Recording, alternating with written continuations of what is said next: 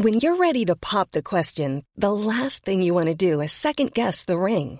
At Bluenile.com, you can design a one of a kind ring with the ease and convenience of shopping online. Choose your diamond and setting. When you find the one, you'll get it delivered right to your door. Go to Bluenile.com and use promo code LISTEN to get $50 off your purchase of $500 or more. That's code LISTEN at Bluenile.com for $50 off your purchase.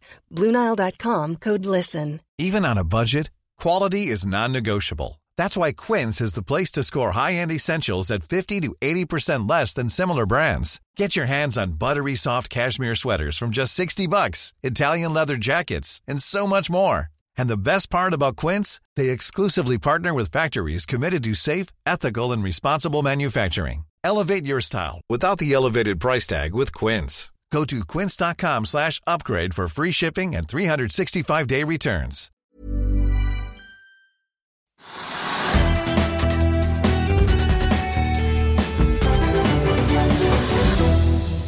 Velkommen til Økonominyhetene 8. mars, der vi gratulerer alle våre kvinnelige lesere, lyttere og seere med dagen. Det blir mer snakk om det litt senere, men først skal vi oppdatere deg på hva som rører seg i markedet i dag. Krigen i Ukraina fortsetter å sette sitt preg på markedene. Hovedindeksen startet ned for fjerde dag på rad tidligere i dag, men har nå hentet seg litt inn og ligger akkurat og vaker rundt 0 prosent. Men bak det tallet så er det store forskjeller, som vi kan snakke om om litt. Rundt oss i Europa så er det litt mer grønt i dag, med unntak av London og København. I USA så vi i går et ganske kraftig fall på nesten 2,5% på Dow Jones og nesten 4% på Nasdaq, men futuresene her peker mot en liten innhenting når det amerikanske markedet åpner om en times tid. I dag skjedde det også noe historisk i kjølvannet av Ukraina-invasjonen. Rysta Energy påpeker jo at handelen i metallet nikkel er stanset på metallbørsen i London for første gang i børsens 145-årige historie. Metallet er bare nok et eksempel på energi- og råvarepriser som skyter i været i takt med at krigen utvikler seg dag for dag. Før handelen ble stanset, så steg prisen raskt på kort tid i morgentimen i dag. Først forbi 70 000 dollar, 70 000 dollar tonnet, så 80, deretter 90, før den etter noen minutter bikket 100 000 dollar per tonn. Bloomberg melder at børsen i London også måtte kjøre en margin call på China Construction Bank, som måtte hoste opp flere hundre millioner dollar på kort varsel for å dekke inn en short i nikkel. Det er også flere konsekvenser av situasjonen i Ukraina i dag. Mandag kveld meldte vi den russiske visestatsministeren at landet nå vurderer muligheten for å stanse gasseksporten til EU gjennom rørledningen Nord Stream 1, som altså ikke må blandes med den nye rørledningen Nord Stream 2. Tyskland har jo advart mot å innføre et importforbud som amerikanerne snakker om på russisk olje. Og Bundeskansler Olaf Scholz advarte senest mandag om at russisk energiimport fortsatt er helt avgjørende for å dekke Europas kraftbehov. Oljeprisen i dag har jo steget enda litt videre. I spotmarkedet koster et fat nordsjøolje nå 125 dollar og 70 cent. Og vi har i dag vært helt oppe i 127,9 dollar. Den amerikanske lettoljen ligger på 121. Og situasjonen den påvirker også norske redere. Torstein Hagen, som jo driver med elvecruise, har nå et skip som heter Viking Sinius, stuck rett og slett i kaien i Odessa. Det kunne DNs reportere på stedet melde i dag. Og oljegiganten Shell melder nå at de vil trekke seg helt ut av russisk olje og gass. Og det er en melding som vi også har sett både fra Equinor og BP tidligere i denne konflikten. Shell har jo da tidligere varslet at de trekker seg fra Nord Stream 2-prosjektet og joint venture-samarbeidet med Gazprom. Men det er jo heller ikke mange dagene siden Shell fikk ganske mye offentlig tyn for å ha kjøpt russisk råolje, såkalt uralolje, til stor rabatt i markedet da ingen andre ville kjøpe.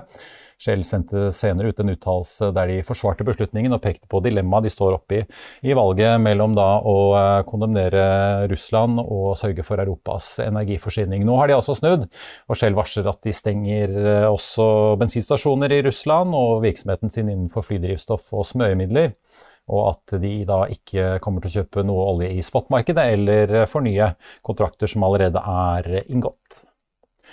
Norges Bank sitt etiske råd varslet i dag at de setter Hyundai Glovis, det store koreanske logistikkselskapet, under observasjon grunnet uakseptabel risiko for at selskapet medvirker til grove eller systematiske krenkelser av menneskerettighetene.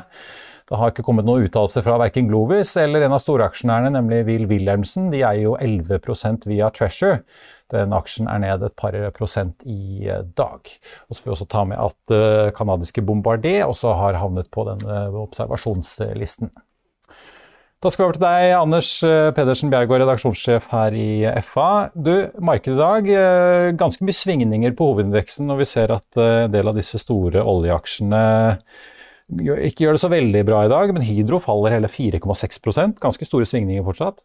Ja, det er et veldig usikkert marked. Det er litt sånn rart å tenke på at Oslo Børs har blitt så lite påvirket eh, når man ser på en måte hvor eh, mye forferdelig som skjer rundt i, i verden. Og innenfor olje nå så ser man at uh, oljeaksjene er litt svake. Oljeprisene opp. Det tyder litt på gevinstsikring. Eh, Folk begynner å tenke at de kanskje har nådd eh, toppen, når vi ser den voldsomme oppgangen som Equinor altså De har jo steget 30 eh, bare siden nyttår. Ja, og ja. det er jo liksom det, det, prises inn en veldig høy oljepris i Equinor og Vår Energi. Og, så det er, kanskje, det er, kanskje, på tide å, å, ta litt av bordet. Ja, Det virket jo som eh, Jon Fredriksen kan ha gjort det samme, i hvert fall da vi leste aksjonærlistene her litt tidligere i dag. Ja, Det er litt vanskelig å si, fordi han kan ha drevet øh, med utlån av aksjer til shorting. Så vi kan ikke konstatere at han har solgt, men trolig. Trolig er det. Du, øh, noen aksjer som det også er, er liksom i vinden i dag, er noen sånn mindre oljerelaterte aksjer. Borr har jo fortsatt opp, opp 70 siste uken, og den store oppturen i dag, Introil. Lille oljemyggen, hva er det som skjer der? Det vil jeg, for å si sånn, Hvis jeg har vært småaksjonær, så ville jeg bare holdt meg unna den aksjen. Eh, jeg, jeg, jeg, gikk litt tilbake i tid og så at det ble publisert en teknisk analyse av Bjørn Inge Pettersen i aksjeanalyser.com ja. på, på, Nettavisen den 10. februar. Og etter det så har volumet i den aksjen bare steget vanvittig. Og så hadde vi en teknisk analyse av aksjen på søndag, og aksjen har bare fortsatt oppover. Så jeg ville vært litt forsiktig med å, å investere i Introil. Den er opp 300 eh, og nesten 40% så langt i år. Ja, det var vel opp 47% på mandag og 28 i dag, så det er jo helt, det er jo helt absurd. Det er, sånn, det er, ikke noe fundamentalt som tilsier den kursoppgangen. Selskapet har veldig lav produksjon. Eh, det er, det er, bare et lite tulleselskap. Ja, en liten oljemygg. Eh, men det er ikke bare olje og gass eh, som går som en kule. Andre energiaksjer, Scatec, stiger ganske kraftig i dag også? Ja, de meldte vel om en sånn joint venture-avtale i Oman i går. Og eh, aksjen er opp 13 i dag, stemmer det? Ja, det var i hvert fall godt over eh, 10 så det virker som det er eh, disse Scatec-aksjonærene får seg en liten pustepause etter en litt sånn tøff behandling her i fjor. Ja, og de har ikke børsmeldt nyheten, eh, så det skal ikke være noe signifikant viktig i aksjen. Så det er vel kanskje bare Ja. Eh, aksjen har palt mye, og så kommer det en liten positiv nyhet, og så blir folk litt ivrige og trykker på gassen. På tampen må vi snakke litt om eh, laks, både i havet og i tank. Eh, vi ser at en del av disse store oppdrettsselskapene, Movi som har, faller enda mer i dag. Vi snakket jo i går om eh, at eh, økte energipriser også gir økte fraktkostnader. Mm. Og det, det, fokuserer markedet på i dag også, tror jeg. Også I tillegg så har det blitt trukket frem det med valuta. At vi har en litt, eller mange av de norske oppdretterne har en litt ugunstig valutaeksponering gjennom at de får inntekter i euro. Og, og fòrkostnadene er gjerne i dollar. Så det blir en sånn dobbel negativ effekt. Ja. Så sjømatindeksen er vel ned 3% i dag. Alle oppdretterne er i rødt. Også um, Florida-baserte Atlantic uh, Sapphire, som vi har snakket mye om uh, i denne sendingen opp igjennom. Mm. De kommer jo med et uh, hva skal vi si, sånn kvartals- eller månedsoppdatering, er det det de kaller det? Ja, de ja. har begynt å rapportere til markedet hver måned nå for å på en måte bli litt mer sånn transparente, som de kaller det. Og eh, volumene er veldig lave. Det var 300 tonn i februar.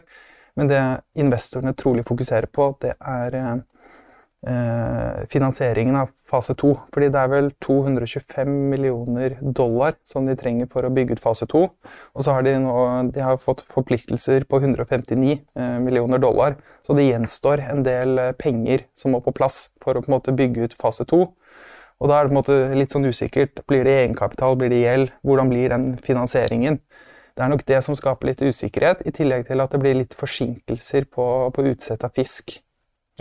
De har tidligere kommunisert eh, slutten av, Q, nei, slutten av 2022, mens nå blir det måte i starten av 2023 istedenfor.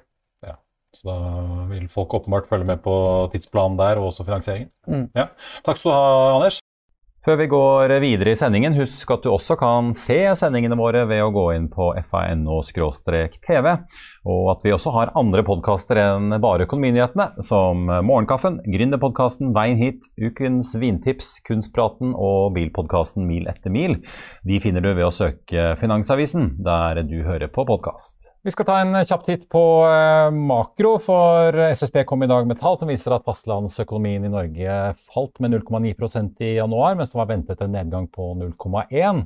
Ifølge SSB så er det kraftnæringene og tradisjonelt fiske som bidro mest til fallet. Samtidig var deler av tjenestenæringene fortsatt preget av smitteverntiltakene som ble innført i desember. Uten kraft og fiske så var BNP på fastlandet ned 0,3, og seksjonssjef Pål Sletten i SSB påpeker at nedgangen i denne runden med smitteverntiltak var forholdsvis dempet sammenlignet med det vi har sett før, og at kraft og fiske vanligvis svinger en god del.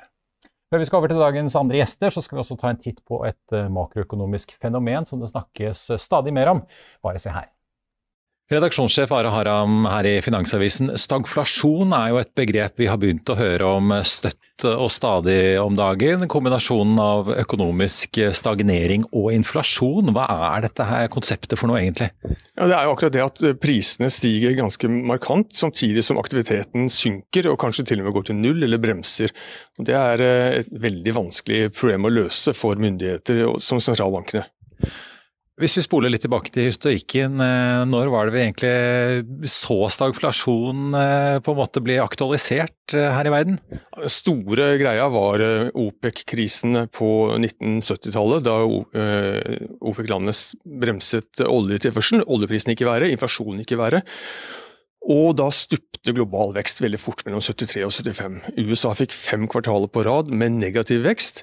Og så sank inflasjonen ned ganske markant fra 1975, men senskadene i form av svak aktivitet de varte lenge. Og Hvorfor er dette aktualisert igjen eh, nå?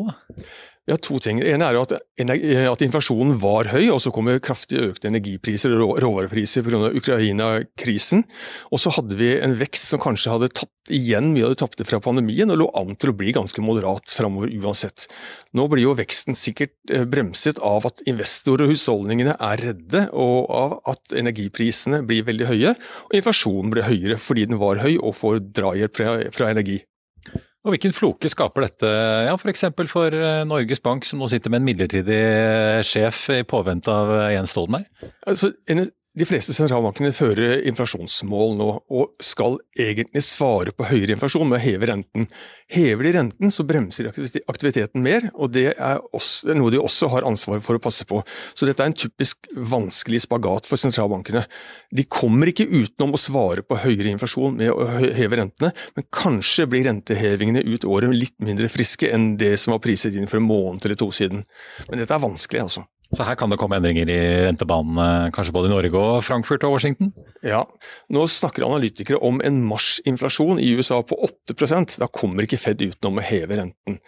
Eh, men det svaret får vi ikke før i april, hvor høy inflasjonen blir. Da. Eh, men det er for tidlig å si at Norges Bank avblåser, avlyser eh, rentehevingen i år. Det er altfor tidlig. Jeg tror ikke de kommer til å gjøre store endringer på kort sikt. Men de vil få eh, prognoser nå eh, ved møtet om knappe to uker som viser høyere inflasjon, klart høyere inflasjon, og kanskje også svakere vekst, og kanskje til og med litt høyere ledighet. Quality sleep is essential. That's why the Sleep Number Smart Bed is designed for your ever-evolving sleep needs. Need a bed that's firmer or softer on either side? Helps you sleep at a comfortable temperature? Sleep Number Smart Beds let you individualize your comfort so you sleep better together. JD Power ranks Sleep Number number 1 in customer satisfaction with mattresses purchased in-store. And now, save 50% on the Sleep Number limited edition Smart Bed for a limited time. For JD Power 2023 award information, visit jdpower.com/awards. Only at a Sleep Number store or sleepnumber.com. I'll see you in court. Vi sier det ofte litt på spøk, men for deg som driver business, er det aldri moro å innse at du ikke har laget en 100% gyldig kontrakt. Du bør ikke risikere hele firmaet ditt fordi du synes dette med kontrakter er litt stress. En avtale er ikke en avtale. Du kan miste kunder, miste venner, ja, til og med miste inntekter om du ikke lager en skikkelig kontrakt, på alt mulig, egentlig. Men vi vet det er et styr. Kopimaskiner, tregprinter og haugevis av papir. Dessuten stoler vi jo på folk her i landet. Det er ofte litt kleint å skulle be om en signatur for alt mulig, ja, for mye av styret handler også om jakten på underskriften.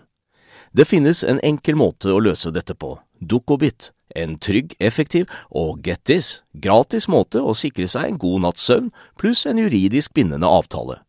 Dukkobit-appen har de strengeste sikkerhetskrav i bunn, samt en EU-godkjent og sertifisert teknologi. Framover vil det bli behagelig å spørre du, skal vi skrive under på det, eller? Kom i gang på dukkobit.no. Det er 8. Eh, mars i dag, og vi i Finansavisen gratulerer jo alle kvinner med dagen, selvfølgelig. Og siden vi jo dekker børs og næringsliv, så tenkte vi at vi kanskje skulle se litt nærmere på hvordan finansbransjen egentlig gjør det, hvorfor deler av den er såpass mannsdominert som den er, og hvordan næringen skal tiltrekke seg både unge kvinner og menn i fremtiden, i konkurranse med alt fra konsulentselskaper, teknologibedrifter og gründere. Velkommen til oss, Oda Graff, styreleder i Ung i Finans og juridisk direktør i eh, Carnegie, Gabrielle Risø. Tusen takk. Jeg får bare legge hodet litt på blokken. Da, for jeg skal ærlig si at eh, når jeg går over gjestelistene som vi har her i Økonominyhetene, så er det veldig mannstungt. Eh, veldig ofte fordi at når vi skal inn og se hvem er det som dekker eh, en eller annen aksje, så er det stort sett en liste med veldig mange menn. Mm. Hvordan tenker dere selv når dere liksom sitter her på 8. mars og begge er i finansnæringen? Du jobber jo i Nordea til vanlig, Oda? Ja, det er jo Altså, i finans så er det jo mange kvinner. Men i eh, toppledelsen og i de som er nærmest kundene, så blir det jo færre og færre. Så det er jo også naturlig at de som kommer hit, kanskje det er flere menn enn kvinner. Men eh, jeg tror det kommer flere, flere unge kvinner opp og frem, og jeg tror dere vil ha flere kvinnelige gjester fremover. Håper på det. Ja, men det, jo, men det, virker som det er litt delt. At det, er dårligere i meglerhus og en del liksom, finanshus, mens det er bedre i bank, forsikring og en del andre funksjoner. Er det ja, liksom... det er, eh, det er skjevt i bankene òg. Det er jo helt jevnt når det kommer til antall ansatte, men det er veldig skjevt når det kommer til hvor de kvinnelige og mannlige ansatte jobber. Eh, og dessverre så er det jo fremdeles sånn at det er flest kvinner i backoffice og supportfunksjoner, og i de lavest lønnede stillingene der òg. Og det må vi gjøre noe med på en eller annen måte. Det er veldig veldig gøy å jobbe i finans som kvinne, og det er overhodet ikke skummelt. Så jeg tror eh, det bare er et rykte som har gått, som har gjort det veldig skummelt. Så vi må prøve å rette opp i det. Kan ja. begynne her i dag. Ja, ikke sant? Gabrielle, du, eh, jo, eh, altså du er rekrutteringsansvarlig i da Carnegie, som jo ikke bare er et av Norges største meglerhus, men også et stort nordisk meglerhus. Virkeligheten er vel ganske langt fra Exit og mye av det man kan se i filmer og hvordan bransjen karikeres. Men kjenner du deg igjen i bildet at det er ganske sånn, det begynner å bli tynt når man begynner å komme oppover i rekkene?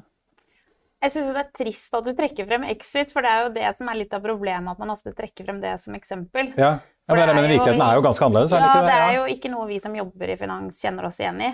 På papiret så er jo for så vidt jeg support, men jeg jobber jo mest med egenkapitalstransaksjoner, så jeg jobber jo veldig tett med, med front. Og det er jo ingen grunn til at det skal være få kvinner der. Og min opplevelse, selv jobbet beinhardt med rekruttering i to og et halvt år nå, og det er at nå blir det flere og flere. Det er en så unik mulighet man har nå hvis man er kvinne og vil begynne i finans. Utrolig mange skills vi er ute etter. Så jeg tror nå vil mange gripe sjansen og se at dette, dette er veien å gå. Ja, For er bransjen litt i endring i hva de ser etter, eller? Ja, både bransjen og kundene og samfunnet. Alt trekker i samme retning. Um, og kvinner er jevnt over utrolig flinke. Ja, det er, jo, det er vel i hvert fall på jussen. Du har jobbet i Thommessen før, vet jeg. Ja. I hvert fall jussen så er det vel eh, flere skarpe kvinner nå enn det er menn? Ja, sist jeg hørte, så tar jo de inn flere kvinner nå. Eh, og må jo jobbe med å holde kjønnsbalansen, for det er jo jeg tror det er 60 kvinner eh, på jussen. Men, de... men, hva er utfordringen? Er det at det kommer for få kvinner inn døren som er nyutdannet og kommer fra NHH eller Trondheim eller hvor de har måttet studert, eller er det at de begynner å falle fra etter hvert? Ja, vi strever jo med det. da. Vi mapper jo hvor mange kvinnelige søkere vi har. Og det er klart at uh, det ligger jo til dels godt under 20 bare i søknadsbunken. Og det er jo en utfordring. Man så det er, litt, det er, litt, sånn søkelisten på sommervikar her i huset? Ja, det er, ja, det er helt sant. Det er ja, veldig mange karer som søker. Ja. Og så må man jo vokte seg, fordi det er jo ingen av oss som er kvinner som jobber i finans, som ønsker å ha liksom en sånn kvoteringsstempel på oss. Så man skal jo vokte seg vel for å ta inn de som faktisk ønsker å jobbe i finans og eh, har de riktige kvalifikasjonene. Så det, den må ligge i bunnen uansett, og, og da er det en krevende søknadsbunke å jobbe med. Men kan jo, vi jobber jo veldig hardt med å, kvinner som er tidlig på studiet, og få dem til å velge riktige studieretninger.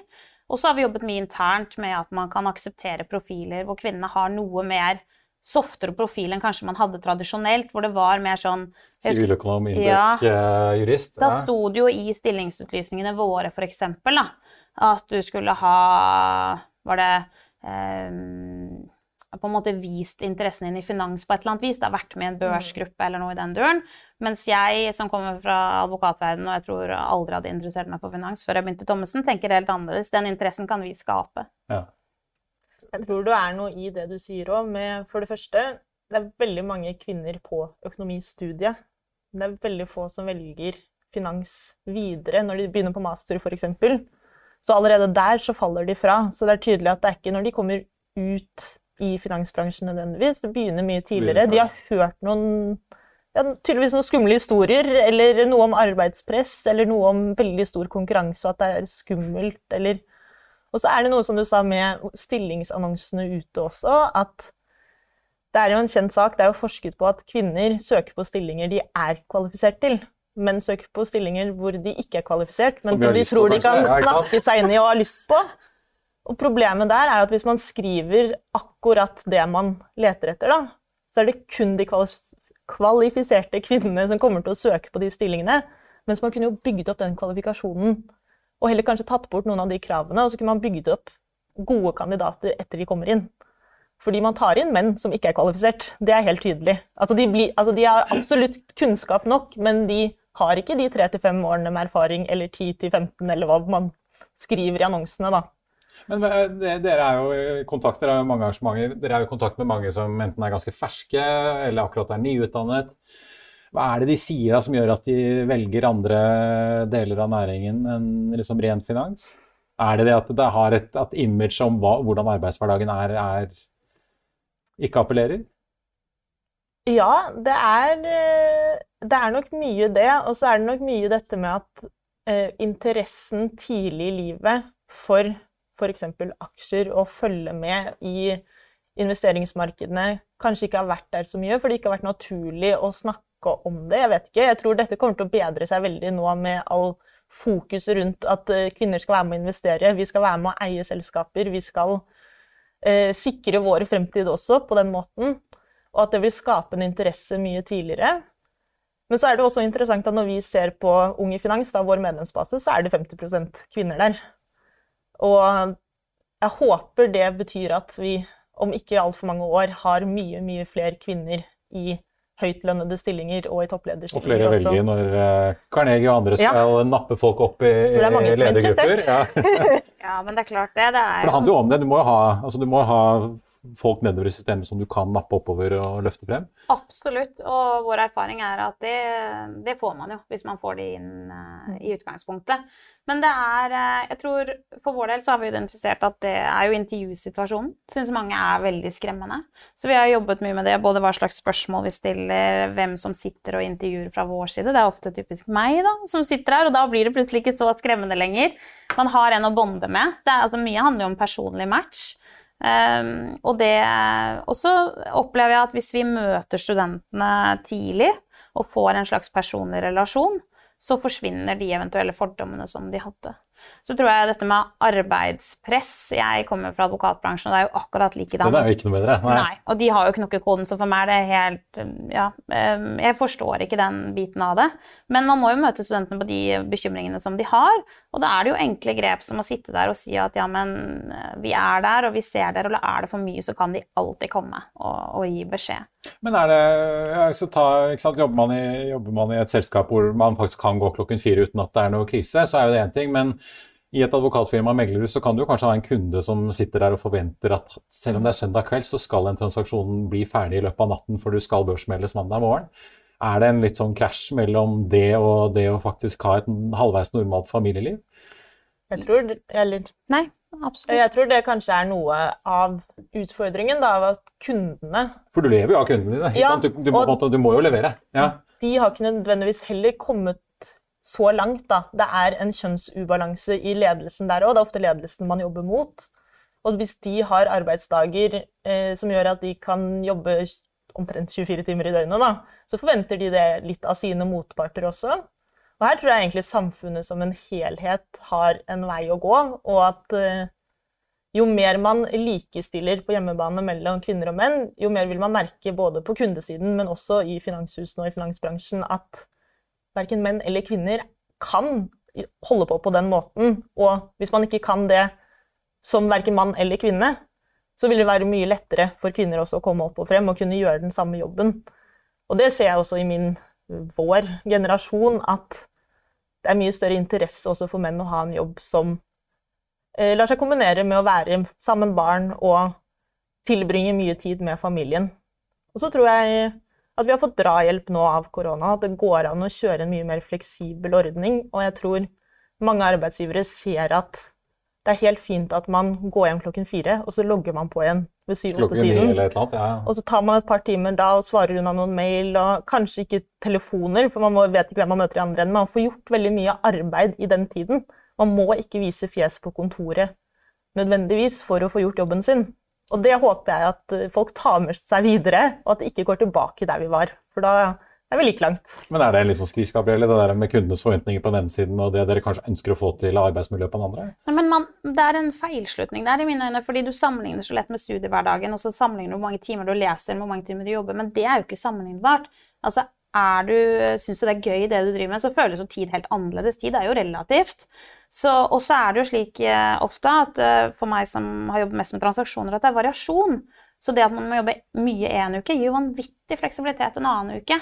Og så er det jo ikke, De fleste timene er jo ikke, består jo ikke av én person. Kunden kan ringe flere, og vi kan dekke over for hverandre. og eh, det løser seg alltid, og det gjør også de viktige tingene som folk har i livet, åtteårsdag til bestemor eller hva det måtte være. Det er ikke noe problem. Det er ikke der det ligger. Så min opplevelse av de som kommer inn hos oss, er at de syns at det de driver med, er så vanvittig gøy at det håndterer de på en veldig god måte. Og så er vi forskjellige. Og ja, noen har lange arbeidsdager, men de har lange kaffepauser, og de trener i arbeidstiden, og de gjør alt mulig rart. Og da blir arbeidsdagen litt lang. Selv om de kommer syv og går ja. Eh, holdt jeg på å si, ni, så er det mye innimellom der. Ja. Mens noen av jentene er jo ekstremt effektive, og, og, da kan du kanskje gå klokken seks hvis det måtte være det. Mm. Altså, jeg har to små barn selv, og tenker at uh, hadde aldri byttet ut uh, selv om det noen kvelder blir litt sent. Men, men Hvis vi ser litt bredere til slutt her, bare om rekruttering generelt av unge. Da. Det er jo, eh, som jeg sa i introen, mange, mange appellerende steder å jobbe om dagen hvis man har gode karakterer og er flink. Man kan jobbe gründerbedrifter. Altså, vi har jo miljøer som Cognite, Osaki f.eks. Altså, det er jo og selvfølgelig konsulenthus. Det er mange som, som, kjemper om disse kloke hodene. Eh, hvordan er det, Må dere som meglerhus eh, kaste på litt ekstra krydder for å få folk til å jobbe, eller er det bare å skru litt på lønnstilbudet for å få folk inn? Nei, altså Det er jo viktig å ha konkurransedyktig startlønn. Det er jo ikke noe tvil om at fastlønnskronene betyr mye for de unge som skal ut i boligmarkedet. Så det, det ligger jo i bunn. er fem ganger inntekt, vet du. Det ja. skal ikke kimse av det. Nei. Ja. Nei, så det, det ligger i bunn. Men ellers så er vi jo ute etter de som syns at akkurat denne type arbeidsoppgaver appellerer til dem. At det ligger, altså Ikke at du har vist det gjennom en børsklubb eller at du har handlet i aksjer, men at du på et eller annet vis tenker at det å jobbe enten med analyse eller investment banking, er faktisk det du har mest lyst til. Og så blir det litt sånn, For min del så er det litt livsstilen som appellerer. da. Det er jo få arbeidsplasser som har så mange unge, flinke mennesker sammen. Eh, så mye sosialt som skjer. Du kan trene på jobb. Du, altså, du har en sånn pakke der som er, appellerer til mange. Så det tenker jeg at eh, Det er jo konsulenthusene som er vår største konkurrent og særlig blant kvinnene. Og det handler litt om at de, de selger jo, virker det for meg, som en sånn videre studie. Her har du de neste tre årene, du vet hva du skal tjene, du vet Du går altså, inn i et løp som ja, er veldig forutsigbart. Og, ja, ja. og det mm. tror de at de vil ha, men det er ikke sannheten. Det er ikke det de vil ha. Det de vil ha, er jo egentlig mye mer tilpassede oppgaver, stige i gradene når de kan eh, få det ansvaret de har lyst på. Så man må bort fra det at man tror at det, den forutsigbarheten er en trygghet. Men at vi kan tilby den tryggheten, men også et mer individuelt eh, karriereløp. Hva tror du, Oda? Er det Nei, jeg tror også at uh, oppgavene ligger til rette for at uh, unge kvinner og menn uh, finner arbeidsplassene og arbeidsoppgavene kjempespennende. Så jeg tror ikke det er det det står på. Uh, og jeg tror ikke konsulenthusene eller IT-selskapene har noen kortere arbeidsdager sånn sett. Uh, så det må jo da være enten at man ser at det er flere muligheter den veien fordi de er veldig innovative. Ikke kanskje konsulenthusene, men i hvert fall IT-selskapene. Eh, og der tror jeg sånne store, gamle dinosaurer som bankene f.eks. har en vei å gå. Vi må klare å omstille oss og være med på den reisen og være like attraktive. For vi har masse spennende kunder, vi har masse spennende utviklingsprosjekter. Alt ligger til rette for at det er supre, et, altså et helt fantastisk sted å jobbe. Store miljøer og masse muligheter til å skifte internt. Eh, så det handler egentlig om å bare selge seg inn og skjønne at man må være med på den reisen som er nå. Ting går fort, og det utvikler seg, og man kan ikke sitte med systemer og ting som gjør at man føler at man er i 1980. Da, da får man konkurranse fra andre. Og du må ikke ha gått Induc eller NHH for å få jobb i Carnegie om dagen? Nei, overhodet ikke. Og det er jo kanskje en av de tingene vi jobber mest med om dagen, er jo å få flere søkere fra, fra andre skoler, også f.eks. CBS og, og, andre steder. For å bredde ut litt, ja. Steg for steg. Steg for steg. Ja. Vi må oppfordre alle lovende og skarpe unge til å kaste seg rundt og skrive søknader både til oss og Carnegie. Og, ja, Får vi se om vi får inn noen skarpe sommerkarer i åra. Ola Graff i Unge i Finans og Gabrielle Risø i Carnegie, takk for at dere kom, og gratulerer med dagen. Tusen takk. Aldri før har prisen på diesel og bensin bikket 24 kroner literen i Norge, men tirsdag gjorde den det. Årsaken henger sammen med krigen i Ukraina. Det opplyser Knut Hilmar Hansen i Circle K til NRK i dag. Og energiprisene er jo høye på alle fronter. I dag var strømprisen på Øst- og Sørlandet åtte kroner med påslag på det verste. Ligger på et dagsnitt på rundt 2,5 kroner kilowatten.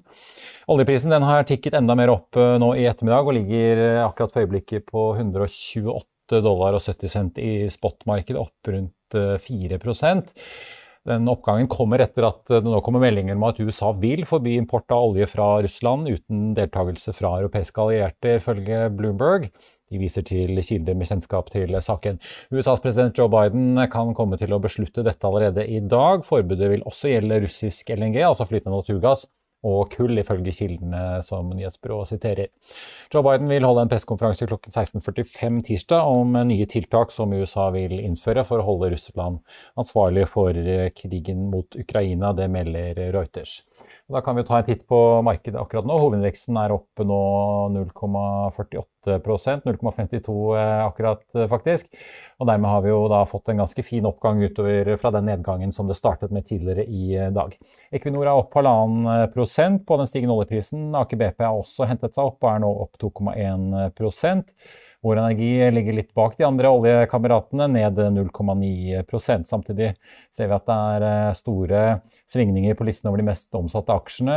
Så, altså Aksjer som Hydro f.eks. Hydro er ned 4,3 i dag på en litt fallende aluminiumspris, som dog fortsatt er veldig, veldig høy eh, historisk eh, sett. Yara også ned 2,9% Frontline ned 2,8, altså tankrederiet, mens hydrogen og fornybaraksjene Nell og Scatec er opp henholdsvis 12 og 15%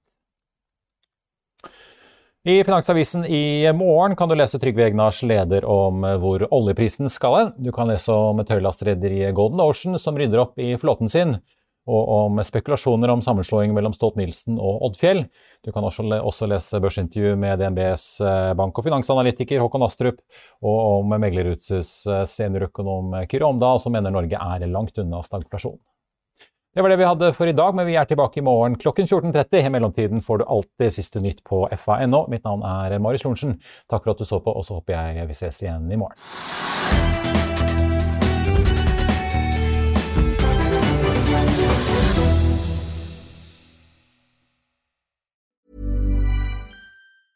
Hey, it's Danny Pellegrino from Everything Iconic. Ready to upgrade your style game without blowing your budget? Check out Quince. They've got all the good stuff shirts and polos, activewear, and fine leather goods, all at 50 to 80% less than other high end brands. And the best part? They're all about safe, ethical, and responsible manufacturing. Get that luxury vibe without the luxury price tag. Hit up quince.com slash upgrade for free shipping and 365 day returns on your next order. That's quince.com slash upgrade.